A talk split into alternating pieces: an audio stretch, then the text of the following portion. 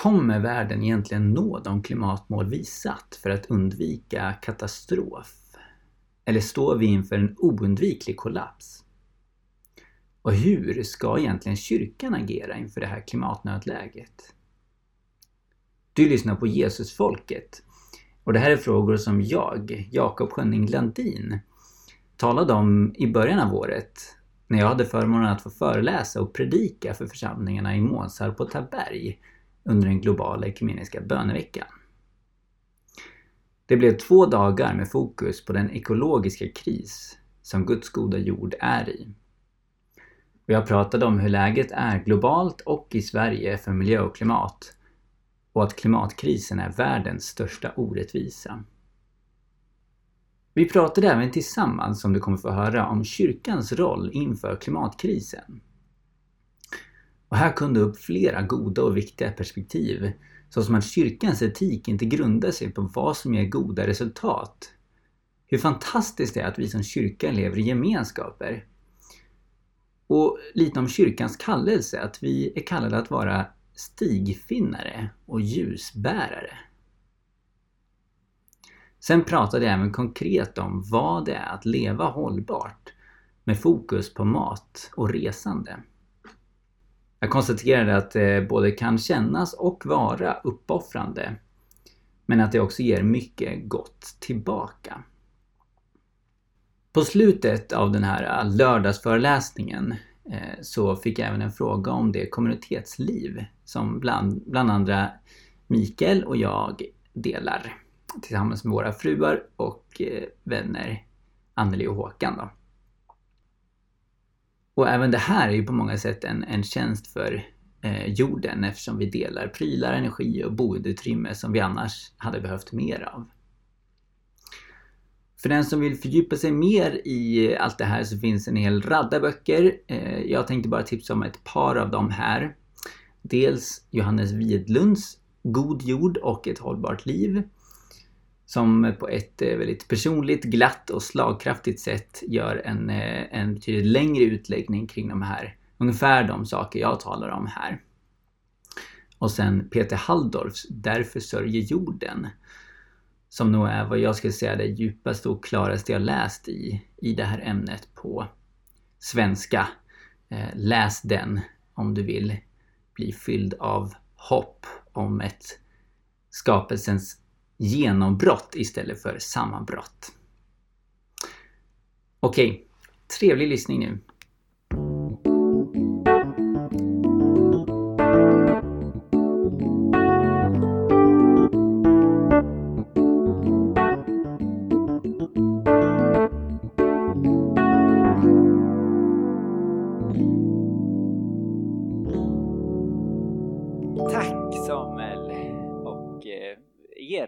Församlingarna här i Månsarp och Taberg. Eh, jag känner mig eh, hedrad och är väldigt glad att få vara här eh, och prata med er om miljö och rättvisa och kristen tro. Frågor som även ligger mig väldigt varmt om hjärtat. Jag tänkte börja med det här citatet från Gus Speth, en eh, amerikansk miljörättsjurist. Han säger så här. Jag brukade tro att de allvarligaste miljöproblemen var förlust av biologisk mångfald, ekosystemkollaps och klimatförändringar. Och jag tänkte att efter 30 år av god vetenskap så skulle vi kunna adressera de här problemen. Men jag hade fel. De allvarligaste miljöproblemen är själviskhet, girighet och apati. Och för att bemöta dem så behöver vi en andlig och kulturell revolution. Och vi forskare vet inte hur man gör det. Vi återkommer till det här om en liten stund.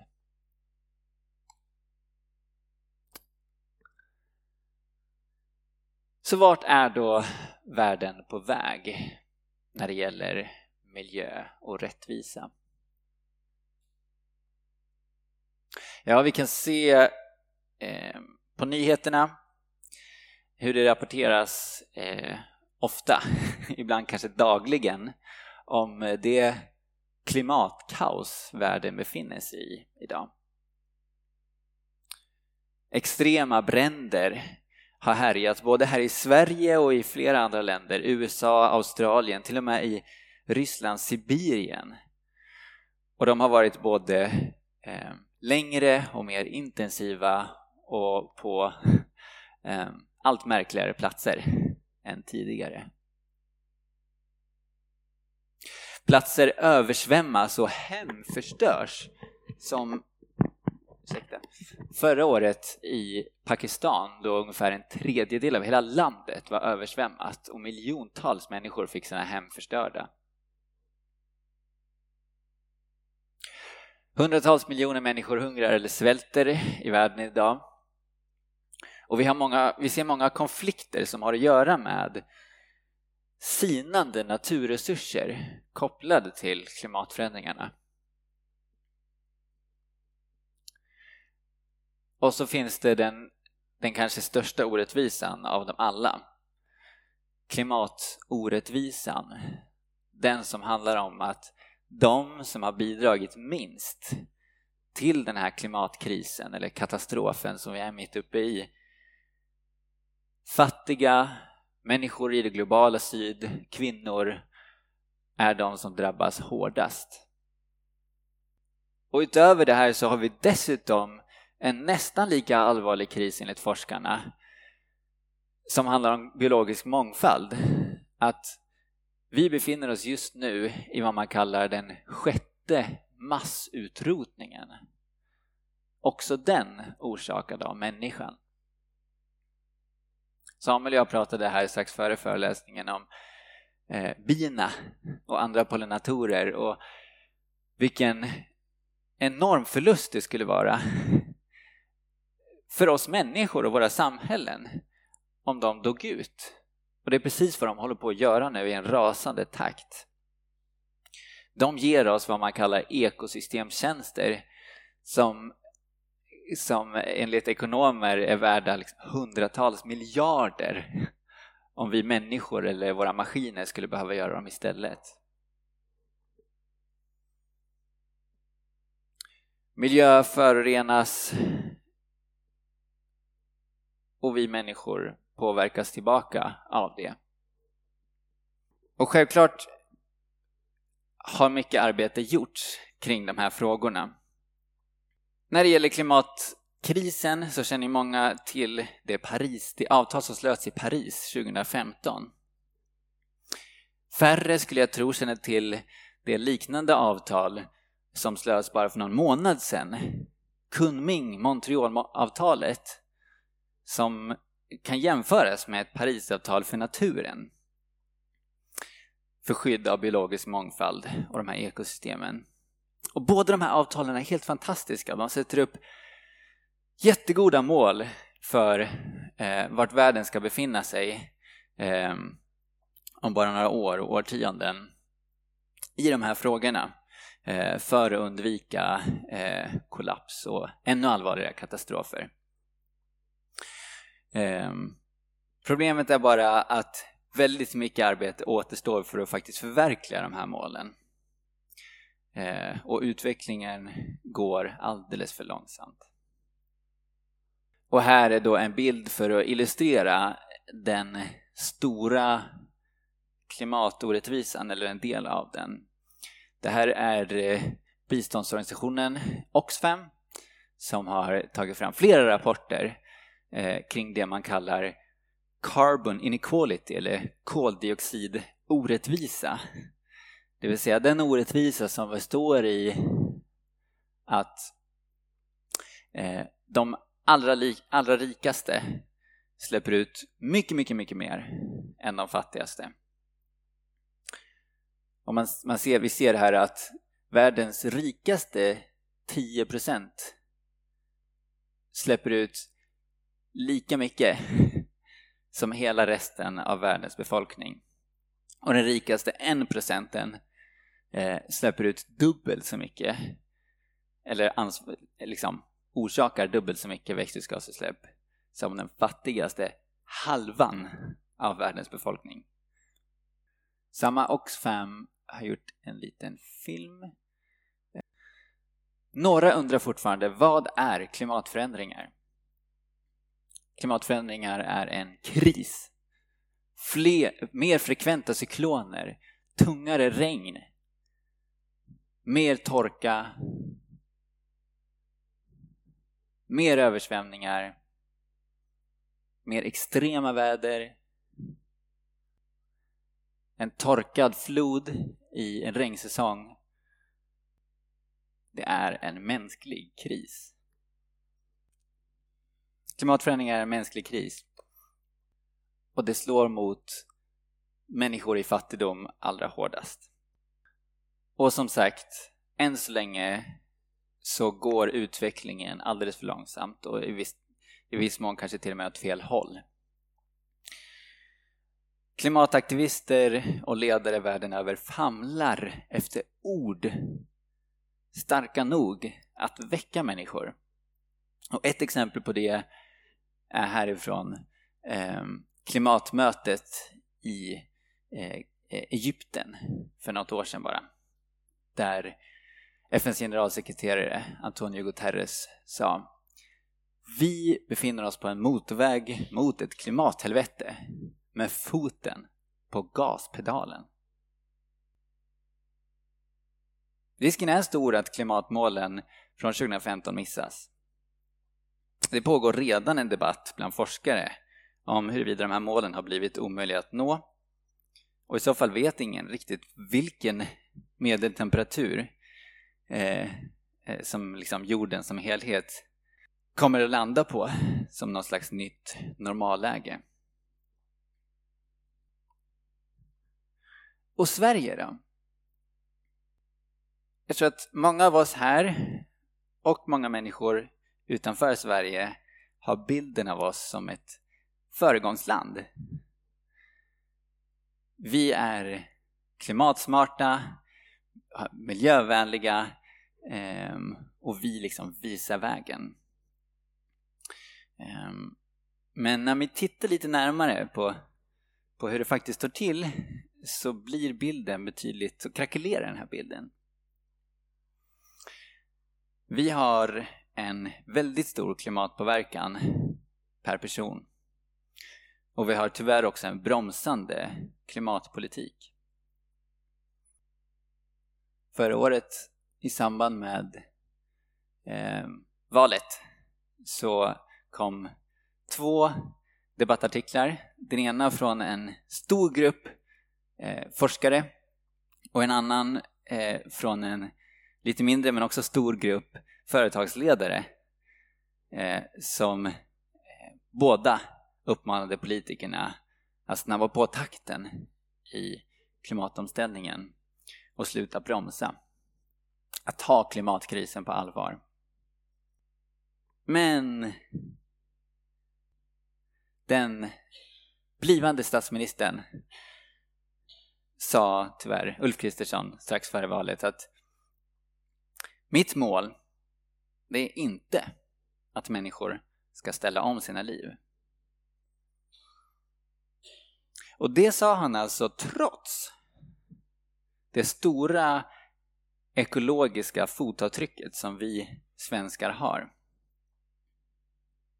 Världsnaturfonden har eh, länge pratat om det här med ekologiska fotavtryck som ett sätt att mäta vår miljöpåverkan per person och jämföra det mellan länder.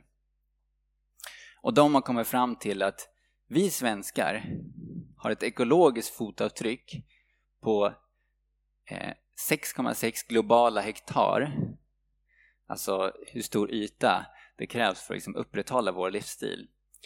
Och med det så är vi bland de 15 länderna i världen med störst fotavtryck per person.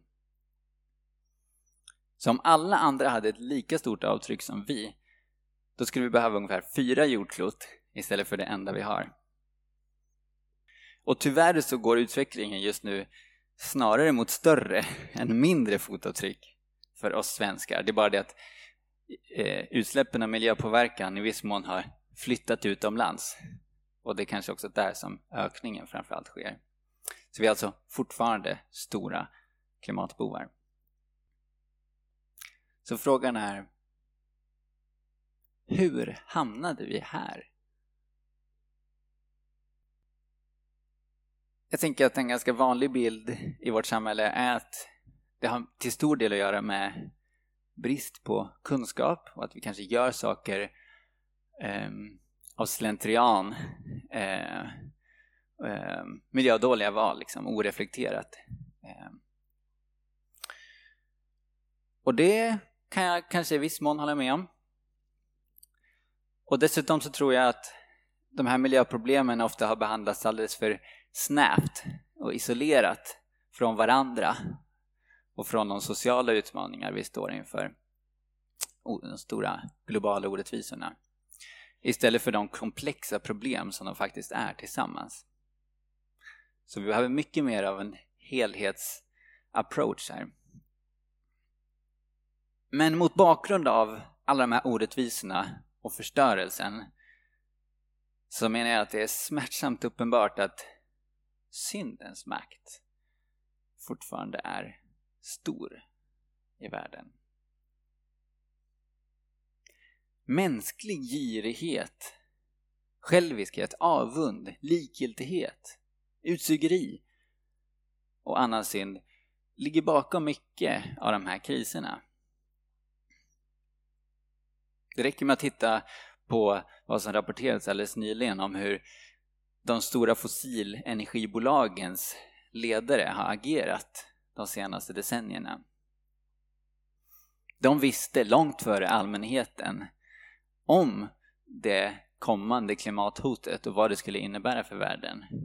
Men istället för att agera för en snabb och rättvis klimatomställning så investerade de pengar i att sprida klimatförnekelse och motverka den omställning vi behöver. Och de tjänar fortfarande pengar på det här. Men vi har förstås alla del i den här världens bortvändhet från Gud. Jag och alla ni andra här har genom våra sätt att leva syndat mot vår nästa, mot skapelsen och i och med det också mot skaparen själv. Så dels handlar det om syndens makt, ondska i oss. Men den som börjar kämpa emot de här eh, destruktiva krafterna inom sig själv märker lätt rätt snart att man kan kämpa ganska hårt i motvind. För i den här världen så finns liksom flera krafter som lockar fram och förvärrar vår ondska. Vad jag kallar syndiga eller ondskans makter i världen. Och de finns på flera olika plan. Vi har ekonomiska krafter som kapitalistiska liksom, eh, krafter eller system som, som liksom gör hela världen till ett slags tomt maskineri för ett fåtal personers vinning. Vi har politiska krafter som nationalism och annan extremism som gröper ur vår solidaritet och kärlek med nästan. Och så har vi kulturella krafter som individualism som splittrar oss och hindrar oss från att arbeta gemensamt kring de här sakerna för det goda. Och inför allt det här så är det förstås lätt att känna sig ganska maktlös och uppgiven. Så vad är då kyrkans roll och uppdrag inför allt det här? Här tänker jag att vi, vi stannar upp eh, och sen så får ni jättegärna vända er till er närmsta eller era närmsta grannar eh, och reflektera gärna tillsammans ett par minuter. Har kyrkan något, eh, något ansvar, någon, någon roll eh, att spela mitt i allt detta.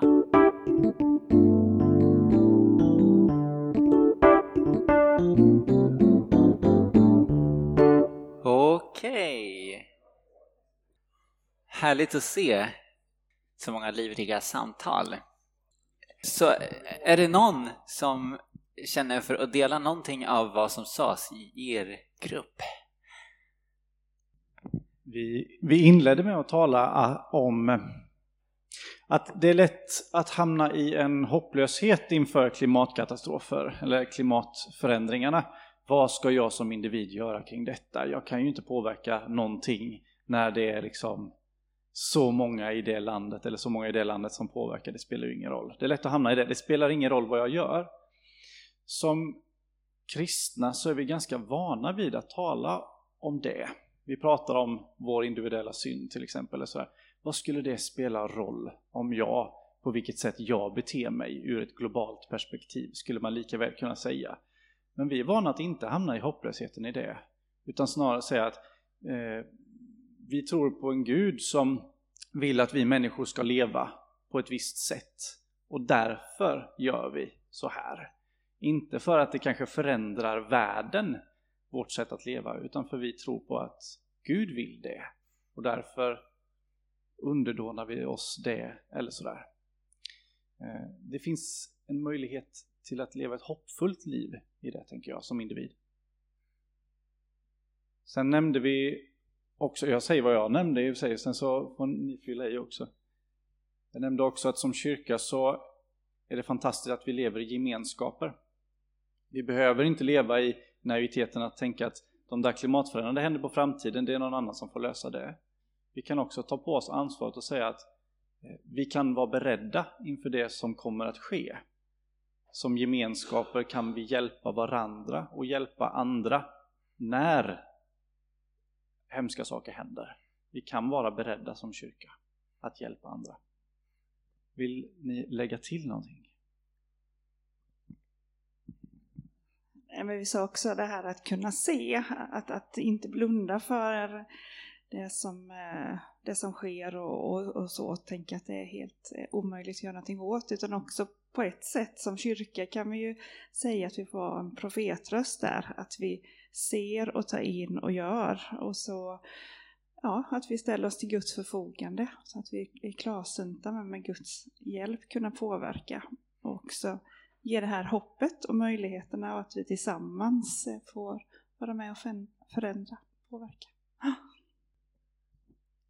Vi pratar inte kanske jättemycket om den frågan, vi pratar mer liksom att utifrån att ja, men, kyrkan består ju av människor och vi gör alla val och vad påverkar det och sådana grejer. Så vi pratar väldigt mycket om individualism och eh, kapitalism och hur våra val och vi är med och så. Eh, sen lyfter jag som gammal miljövetare att, att vi, vi har någon tröghet i systemet liksom med att vi fattar problemet. Liksom så.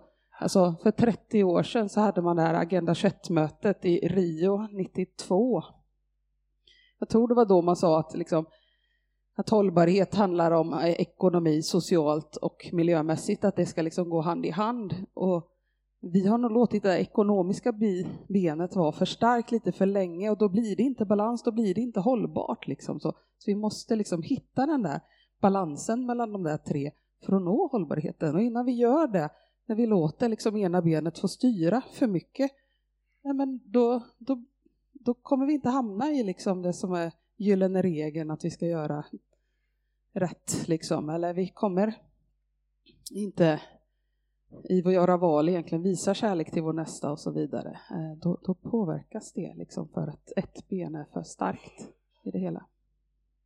Mm. Jag vet att eh, förra Svenska kyrkans förra ärkebiskop, hon gillade att prata om eh, ytterligare en form av hållbarhet, andlig hållbarhet, eh, som man kanske kan räkna med som ett fjärde ben där. Men eh, verkligen. Eh, mm. Ja, som ni har varit inne på så det är ju eh, frestande inför eh, de här otroligt tunga kriserna att eh, vilja fly eller fäkta. Och det ser vi också många som gör, både i och utanför kyrkan. Eh, men det kan inte vara kyrkans värld. Kyrkan, förlåt, kyrkans väg att stå vid sidan om när världen omkring oss brinner och andra kämpar för dess överlevnad. Särskilt inte eftersom vi också har del i den här världens synder.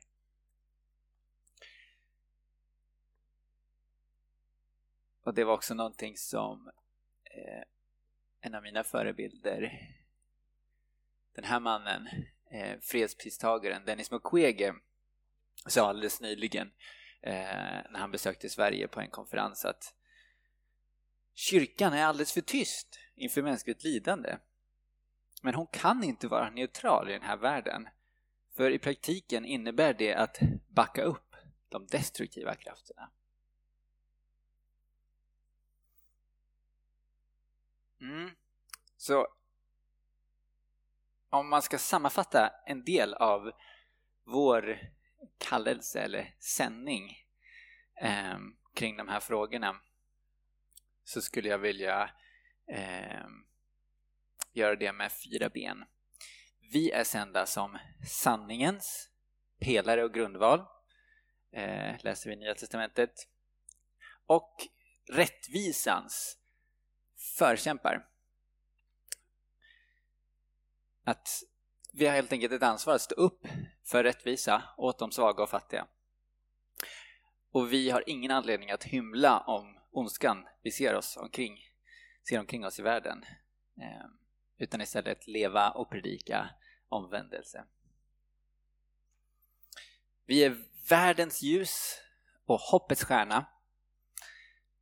Eh, och som ni var inne på så det är väldigt, väldigt lätt att misströsta och tappa hoppet i den här världen och det är väldigt många som gör. Ehm, men i det evangelium eh, som vi firar varje söndag eh, så eh, går det att finna hopp även i de mörkaste tider och det behöver människor kanske mer än någonsin just nu. Och sen skulle jag säga att vi är kallade att vara profetiska stigfinnare eller vägvisare. Att våra gemenskaper, eh, små och kyrkan i sin helhet, kan liksom söka nya alternativa sätt att, att leva eh, bana väg för det. Sätt som vittnar om Gud genom att inte förstöra livet för våra medmänniskor utan istället ge liv, precis som Jesus gav oss, ger oss. Och allt det här har ju varit en del av kyrkans uppdrag och identitet i alla tider, skulle jag vilja säga, eftersom att det är saker som ligger nära Guds hjärta även om man inte tidigare har pratat kanske med ord som klimat och, och biologisk mångfald och så, så har vördnad och omsorg om Guds skapelse alltid varit en naturlig del av kristen tro och tillbedjan. Och, och arbetet för ekonomisk rättvisa, eh, mänsklig värdighet, det, det går liksom inte att komma undan för den som vill ta Jesu Jesus och Bibelns profeter på allvar.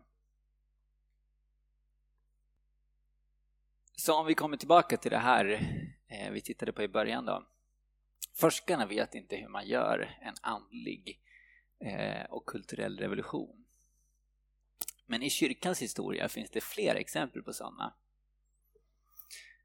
De första århundradena till exempel eh, så levde eh, och spreds den kristna tron i romarriket och i en kultur som var så annorlunda mot vår att vi knappt förstår eh, hur det var innan. Eh, det menar i alla fall historikern Tom Holland eh, som han har skrivit en hel bok om hur eh, kyrkan och den kristna tron revolutionerade eh, synen på människan på barn som kunde lämnas ut åt eh, vargarna, eh, på gamla, på svaga, på fattiga eh, kvinnor i romarriket under kyrkans första århundraden. Eh, och vi ser långt senare hur eh, kyrkan eh, banade väg för avskaffandet av slavhandeln och sedan slaveriet. Här i Sverige har frikyrkan varit otroligt viktig för att revolutionera relationen till alkohol under en tid då, då det här landet var, präglades väldigt mycket av superi eh, Eh, och bana väg för demokrati. Och listan kan nog göras ännu längre. Vi har i och med den kristna tron väldigt goda förutsättningar att arbeta för en sån här revolution. Ehm, vi har tron på en god jord, att den skapelse vi ser omkring oss faktiskt är god och vacker och tillräcklig ehm, och, och levande i sig själv, värd någonting i sig själv. Vi har tron på en, en god Gud som eh, har gett oss den här skapelsen eh, och som vill vara med oss mitt i alla de här kriserna. Vi har fått en, en god väg i och med den kristna tron. Eh, den kristna tron kallades ju till och med vägen eh, bland eh, de första kristna. Eh, och det ska vi titta mer på snart. Och sen har vi, som vi varit inne på, en god gemenskap. Och vi ser att de senaste åren så har kyrkan verkligen börjat ta frågorna på allvar om man inte gjorde det tidigare redan. Ehm, bland annat så har eh, påven Franciscus, katolska kyrkan, gett ut eh, en, en stor miljöencyklika. Ärkebiskop Antioch och Svenska kyrkan gav för några år sedan ut ett biskopsbrev för klimatet. Och den här eh, mannen, Rowan Williams, för detta ärkebiskop för anglikanska kyrkan, har eh, ställt sig på gatorna och deltagit i eh, klimatrörelsen eh, Extinction Rebellions klimatuppror. Eh, flera aktioner. Och här, här i, bland, inom frikyrkan så ser vi också hur det rör på sig. Man tar fram hållbarhetspolicies, utlyser, som i kyrkan till exempel, en, Eh, ett klimatnödläge och börja planera för hur eh, vi ska agera efter det här nödläget. Bilda miljönätverk och eh, bedriver teologisk reflektion kring de här frågorna. Och ett exempel på det här på ett ekumeniskt plan är Grön kyrka som då är ett ekumeniskt nätverk av församlingar som organiserar sitt miljöarbete tillsammans. Så vi har alltså fått en god jord och en god Gud. Vi ser, det här går liksom som en, en röd tråd hur Gud ser på sin skapelse med kärlek och vill försona den med sig själv igen. Efter att den relationen i och med syndafallet eh, blev skadad. Vi ser det redan från eh, första Mosebok att, Eh, där Gud eh, förklarar att eh, det var gott det han såg. Eh, han har den här eh, blicken liksom för sin skapelse, sin kär, den här kärleksfulla blicken. Eh, salmerna lovprisar Gud och hans omsorg om alla levande varelser. Eh, och, och eh, i den här mest kända versen i, i Bibeln, lilla Bibeln, eh, Eh, så till och med där ser vi det här att så älskade Gud världen. Eh, Grekiska grundordet här är kosmos. Allt. Att han gav den sin enfödde son. Inte så älskade Gud människan. Och så säger Uppenbarelseboken, eller Johannes i Uppenbarelseboken, hur han såg en ny himmel och en ny jord. Och här talar teologer, tunga teologer om att man bör tolka det här nya som förnyad. Så Gud älskar sin skapelse. Sen har vi som sagt fått en god väg. I eh, missionsbefallningen, eller en av missionsbefallningarna, så står det att vi ska gå ut överallt i världen och förkunna evangeliet till hela skapelsen. Och så ska vi, som också upprepas flera gånger, framförallt i Nya Testamentet, älska vår nästa som oss själva. Och det här räcker egentligen för, som teologisk grund eh, för en andlig omställning. Eh, ett annat sätt att leva. Och det här andra livet, det, eh, det behöver vara ett enklare liv. Eh, det innebär mycket att avstå och begränsa sig. Men det finns också mycket eh, rikedomar i det här. Och det tänker jag vi ska återkomma till snart. Men bland annat så, så innebär det mer förundran, förnöjsamhet och givmildhet. Och så tror jag det ger oss möjligheter att, att värdesätta relationer mer, både med Gud och med varandra och med, med skapelsen. Och som vi har varit inne på så har vi eh, i och med den kristna tron en möjlighet att fokusera på trofasthet eh, mot Gud och mot hans bud istället för på resultat. Även o, liksom, oavsett hur det går med de här kriserna så är vi kallade att stå fast eh, och leva ut Guds vilja. Och det är, eh, ja, det får vara vårt fokus. Och den här vägen, den ger oss en möjlighet att förvandla vår girighet. Eh, som vi ser i flera bibelord eh, så är Bibeln väldigt eh, skarp, inte minst Jesus, mot vår tendens att samla på oss pengar eh, på andras bekostnad. Men som Paulus skriver eh, så handlar det hela om att vi alla ska få ha det lika.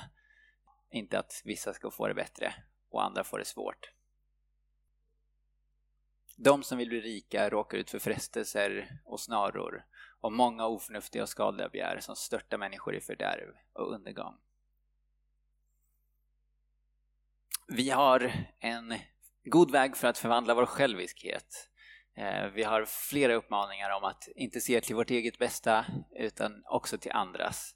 Eh, det är ju grunden vad det handlar om, att älska sin nästa som sig själv och att göra mot andra så som vi vill att de ska göra mot oss. Och vi har också en god väg för att förvandla vår apati. Här är det också Paulus som skriver att Guds nåd fostrar oss att säga nej till ogudaktighet och världsliga begär och istället leva anständigt, rättfärdigt och gudfruktigt i den tid som nu är, medan vi väntar på det saliga hoppet att vår store Gud och frälsare Jesus Kristus ska träda fram i härlighet. Han har offrat sig för oss för att friköpa oss från all laglöshet och rena åt sig ett eget folk som är uppfyllt av iver att göra goda gärningar. Gud har makten att förvandla vår apati. Och så har vi då fått en god gemenskap. För vad är det viktigaste egentligen som vi kan göra som enskilda inför de här frågorna? Jo, som någon har sagt, klok människa har sagt, det är att sluta vara enskild. Vi är skapade för att leva i gemenskap med andra. Eh, inte minst i gemenskap som Kristi kropp. Och det är tillsammans framförallt som vi kan åstadkomma någon förändring. Tillsammans kan vi stötta varandra, inspirera varandra, Eh, förlåta och resa upp varandra när vi faller. Och tillsammans har vi makt att odla en annan kultur eh, med, med liksom andra normer och ideal eh, än det omgivande samhället. En kultur som präglas av Guds rike. Och vi kan konstatera att eh, vi, har, vi kan ha kommit lång, olika långt, eller vi har nog kommit olika långt på vår, våra resor eh, mot ett mer hållbart liv. Men tillsammans så kan vi liksom bidra med våra olika kunskaper och erfarenheter. Ehm, och jag tror verkligen att vi behöver, vi, det behövs ehm, alla generationer och personer med olika eh, gåvor i det här arbetet. Medan eh, unga, eller relativt unga som jag själv, kanske kan bidra med entusiasm så, så, Eh, och, och vissa liksom, nya vanor och så här eh, så kan eh, äldre eh, dela med sig av sin erfarenhet eh, av, att, av att leva enklare, eh, reparera saker och ja, minnen från tiden då Sverige kanske inte var riktigt lika rikt som idag. Ehm, och personer i åldrarna någonstans däremellan eh, kanske har en eh, ekonomi nog eh, att dela med sig för att göra gemensamma investeringar och, och så eh, för mer hållbara gemenskaper. Och självklart så är det inte bara kyrkan utan även andra gemenskaper som vi kan utnyttja som väldigt väl eh, väldigt bra att bearbeta de här sakerna tillsammans med. Eh, vänskaps, eh, gemenskaper, eh, familjer, eh, släktingar och så vidare. Så. Om vi då ska eh, gå in lite grann på eh, mer konkret vad ett hållbart liv eh, innebär så kan vi konstatera att det, den omställning vi behöver göra för med sig både eh, glädje eh, och viss mått av offer. Vi behöver som sagt eh, begränsa oss Eh, och avstå från saker. Eh, medvetet avstå från saker som vi hade kunnat ta del av. Och det kan förstås kännas jobbigt. Men jag tror att vi alla har erfarenheter av vissa livsförändringar som kan ha känts jobbiga på förhand eh, innan man har bestämt sig. Men när man sen har gjort det, eh, accepterat det här beslutet, så visade det sig att det inte var riktigt så svårt som man eh, var rädd att det skulle vara. Eh, och det är även min eh, och andras erfarenhet av de här sakerna vi kommer gå in på.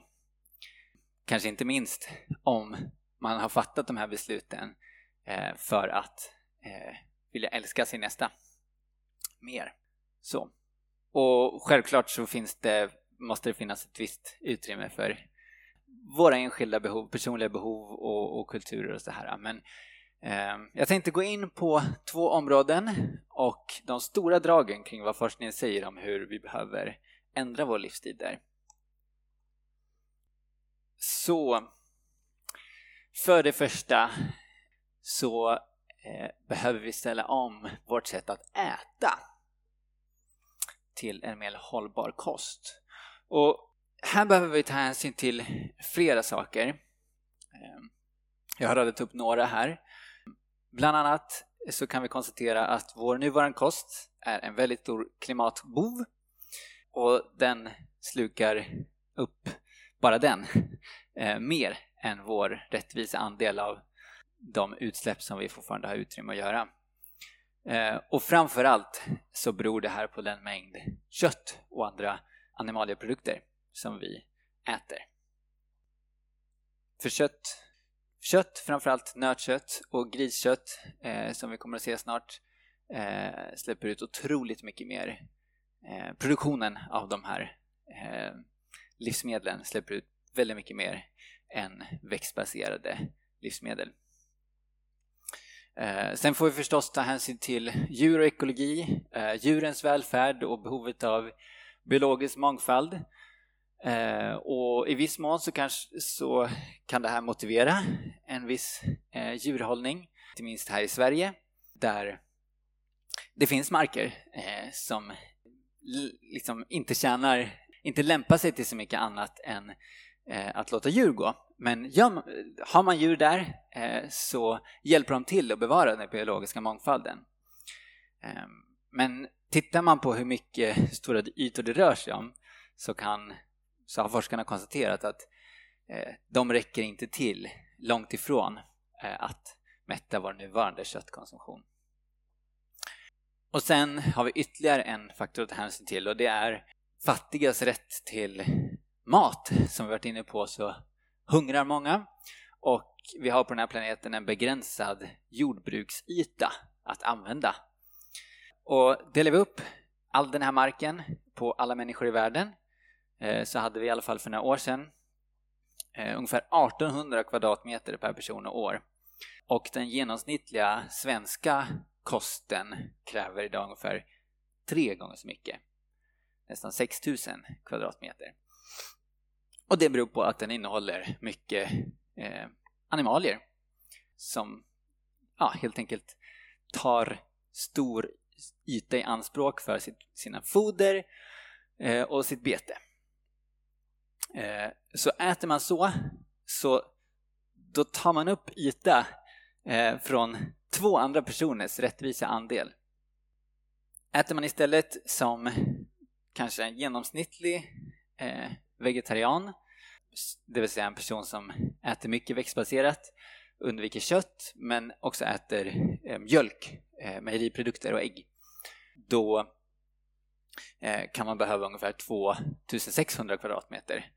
Eh, så nästan nere på den snittytan vi har, men det kräver fortfarande lite mer än så.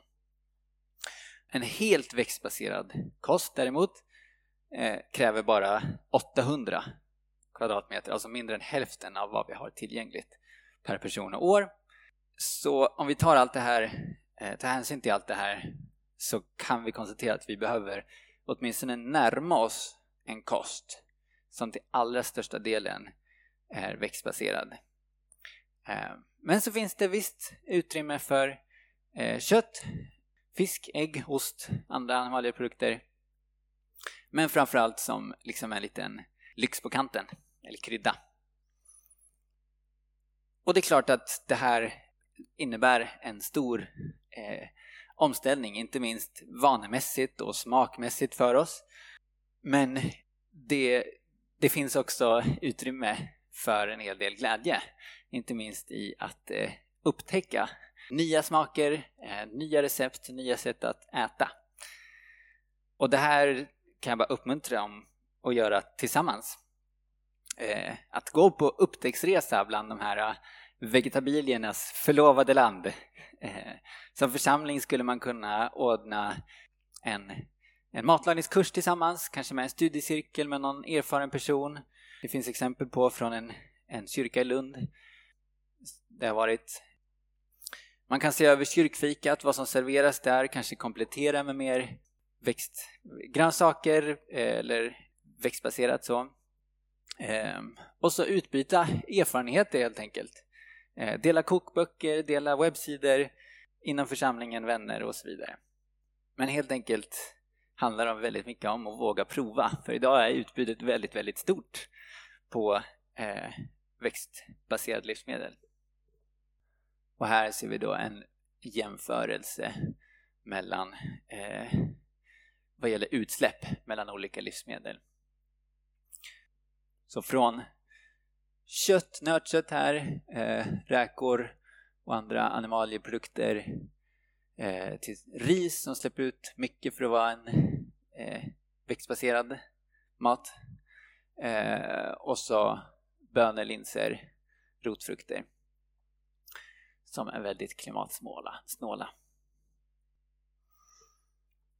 Och sen ett annat område eh, där vi behöver ställa om det är hur vi reser både till vardags och på semester. Eh, och även här så behöver vi förstås ta, ut, ta hänsyn till klimaträttvisa eh, och andra miljöutsläpp Eh, och i viss mån kanske också den elbrist som råder idag. För resande kan förstås vara eh, superspännande och stimulerande. Eh, man kanske gör det för att komma bort, få ett avbrott i den grå vardagen. Men vi kan inte komma ifrån att det ger väldigt stora ekologiska fotavtryck. Många sorters resor i alla fall. Både flyg och passagerarfartyg och bilar har stor eller enorm klimatpåverkan per resenär. Eh, och ett exempel eh, som jag kollade upp igår det var att reser man mellan Stockholm och Kairo då har man tagit upp halva sin årsbudget för eh, ut sina klimatutsläpp liksom. Eh, bara på den resan, tur och tur. Det är flyg, precis. Eh, och bilar eh, kan vara mer sparsamma men eh, en ensam resenär i i alla fall fossildrivna bilar verkar ha ungefär lika stora utsläpp som, eh, som flygande per resenär. Och priset här det betalas ju framförallt av folk som knappt kan drömma om att flyga, ännu mindre på semester. Eh, och varken tekniken eller resurserna finns för att driva all den nuvarande flyg och båt och biltrafik på fossilfria drivmedel. Så därför behöver vi så långt möjligt eh, aktivt välja att stanna på marken. Inte minst kanske för att spara på utsläppsutrymme åt de resor som faktiskt behöver göras. Till mission, till sjukvård, flyktingar eh, och, och, andra sådana saker som inte kan göras på distans. Och dessutom så måste privatbilismen minska ordentligt genom eh, färre resor. Eh, det har man ju upptäckt genom liksom, pandemin, att mycket faktiskt går att göra på distans. Men också genom att vi åker tillsammans och, och, att vi kanske delar på de fordon vi har tillgängliga. Och sen att vi i viss mån byter trafikslag mot cyklar, eh, elcyklar, mopeder och kollektivtrafik eh, som alla är betydligt miljösnålare än bilen. Och sen förstås att det bilresande som ändå inte kan undvikas behöver vi göra med miljösnålare bilar eh, på, eh, drivna på el och biogas och så här. Eh, och mindre bilar eh, än vad trenden är idag. Och här offrar vi förstås eh, i viss mån kanske bekvämlighet. Vi offrar en del frihet och flexibilitet och stora delar av världen blir mer otillgängliga att besöka om vi gör avkall på eh, våra möjligheter att flyga. Men vi får också mycket tillbaka. Vi får eh, mindre buller, renare luft, eh, mindre stress. En av de mest stressiga saker man kan göra är att sätta sig på ett flyg. I viss mån kanske också mer bekvämlighet om vi reser med tåg, i alla fall jämfört med att flyga. Och allt det här sammantaget förstås bättre hälsa. Och sen tror jag också att vi kan få en del andliga vinster. Det finns en chans här till mer närvaro. Kanske också att bli mer rotade i det som ligger nära. Ehm, och att lära oss se det vackra eh, i, i ja, våra eh, lokalsamhällen, eh, naturen omkring oss i det som kanske annars är grå och välbekant.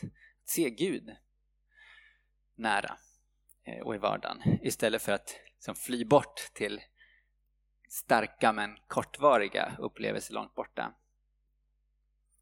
Och tillsammans finns det också här en hel del att, att liksom jobba med. Man kan starta eller gå med i en bilpool eller hitta andra former för gemensamt delande och ägande. Eh, och sen så kan man arbeta mot eh, politikerna för en annan stadsplanering, bättre kollektivtrafik och, och så. Eh, liksom städer och, och samhällen som är min, utgår mindre från bilen helt enkelt. Vi närmar oss avslutningen här. Jag tänkte bara kasta ut en hel kaskad av andra saker man också kan ge sig i kast med. Eh, som gemenskap så eh, ett jättebra sätt att minska både på elkostnader och klimatpåverkan att investera i solceller. Vi kan öka vår matproduktion, matsäkerhet genom att eh, odla lite mer av vår egen mat. Eh, vi kan bidra till biologisk mångfald genom till exempel att odla ängar eh, och, och värna om bina och de andra pollinatörerna. Vi kan flytta våra pengar. Och Det här är också en ganska stor sak som man brukar prata om att tyvärr så är väldigt många av våra sparpengar, pensionspengar, eh, placerade i eh, klimatskadliga bolag Eh, bland annat flera av de stora statliga AP-fonderna har mass, många miljarder placerade i eh, fossilindustri eh, och vapen. Eh, och här brukar man prata om att plocka bort, att divestera eh, pengar därifrån och istället välja fonder och pensionsplaceringar som är hållbara och som kanske till och med aktivt bidrar till en grönare och eh, rättvisare eh, industri och samhällen. Så där kan man kolla upp var, var ens pengar är placerade och gärna försöka kolla efter ett eh, bättre bolag eh, eller bättre fond. Man kan dela sina prylar. Det, det finns eh, faktiskt till och med en app på gång här som var några församlingsmedlemmar någonstans eh, som hörde den här idén och satte igång och började jobba på det. En app som är till för att underlätta för församlingar till exempel som vill dela på gräsklippare, verktyg Eh, och andra prylar som man kanske använder då och då men som vi kanske inte alla måste ha en egen uppsättning av där hemma. Och här kan man också förstås på lite samma tema leva mer eh, kollektivt, nära varandra, eh, dela vardagen och på så vis spara in på den mängd prylar som vi behöver ha där hemma. Man kan tänka på vilken typ av varor som man köper och titta efter miljömärkningar, Fairtrade-märkningar och så vidare. Och sen så kan man förstås som församling gå med i det här nätverket Grön kyrka som är tänkt att liksom ja, kunna kreativt stötta eh, varandra församlingar emellan.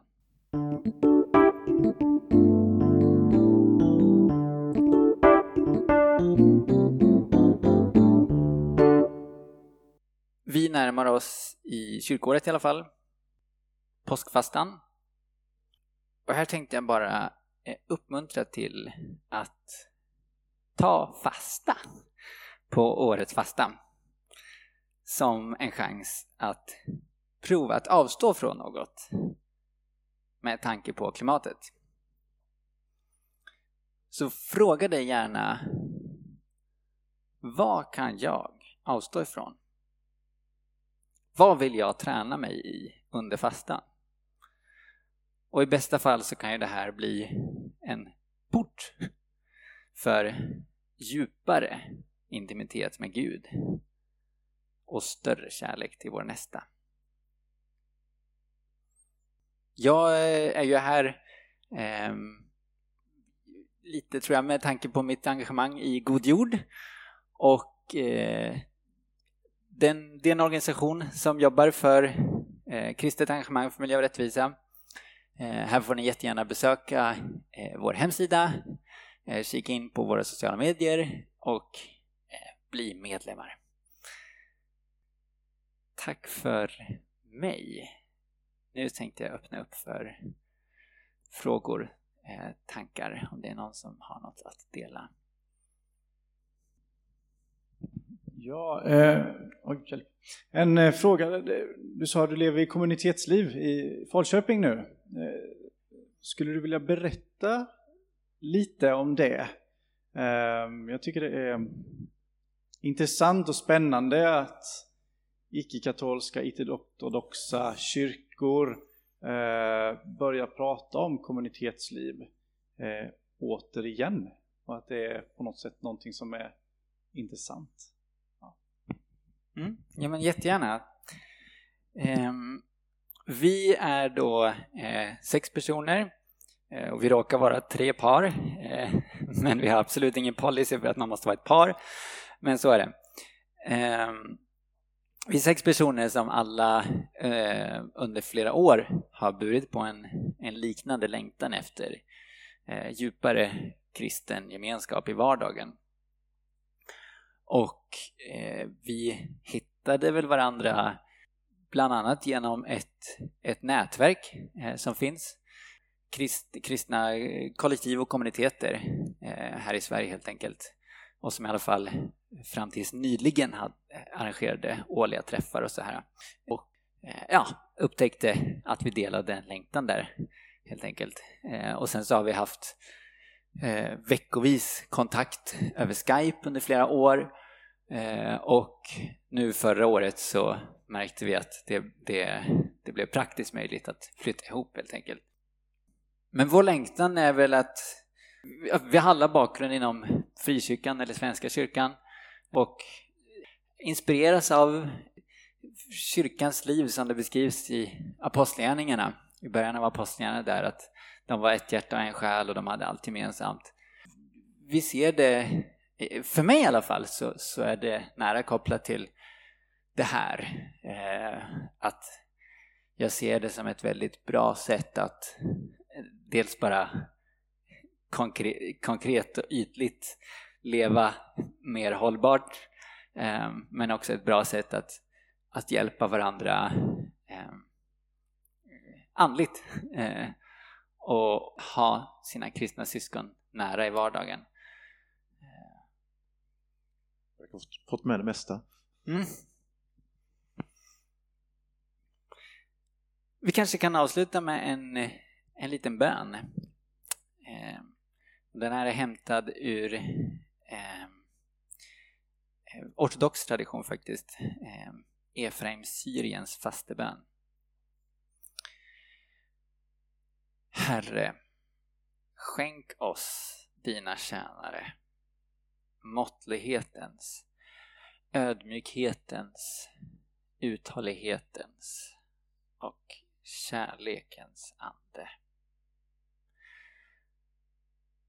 Och jag ber också att du ska uppenbara för oss allt det vackra i skapelsen omkring oss och ditt ansikte i alla världens fattiga. I Jesus Kristus. Amen.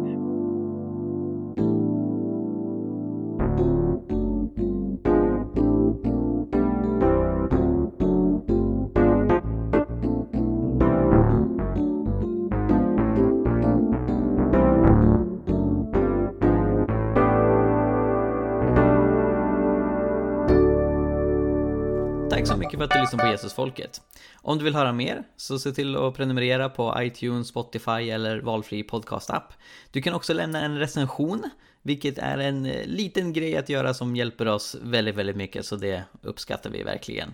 Eh, du kan också läsa vår blogg, Hela Pingsten. Vi har mängder med artiklar där om andens gåvor, evangelisation, fred, rättvisa och allt möjligt annat som har med lärjungaskap att göra, så kolla in det. Och vi finns på sociala medier, du kan följa både Jesusfolket och hela pingsten på till exempel Facebook. Tack så mycket, Gud välsigne dig och eh, fortsätt vara en del av Jesusfolket.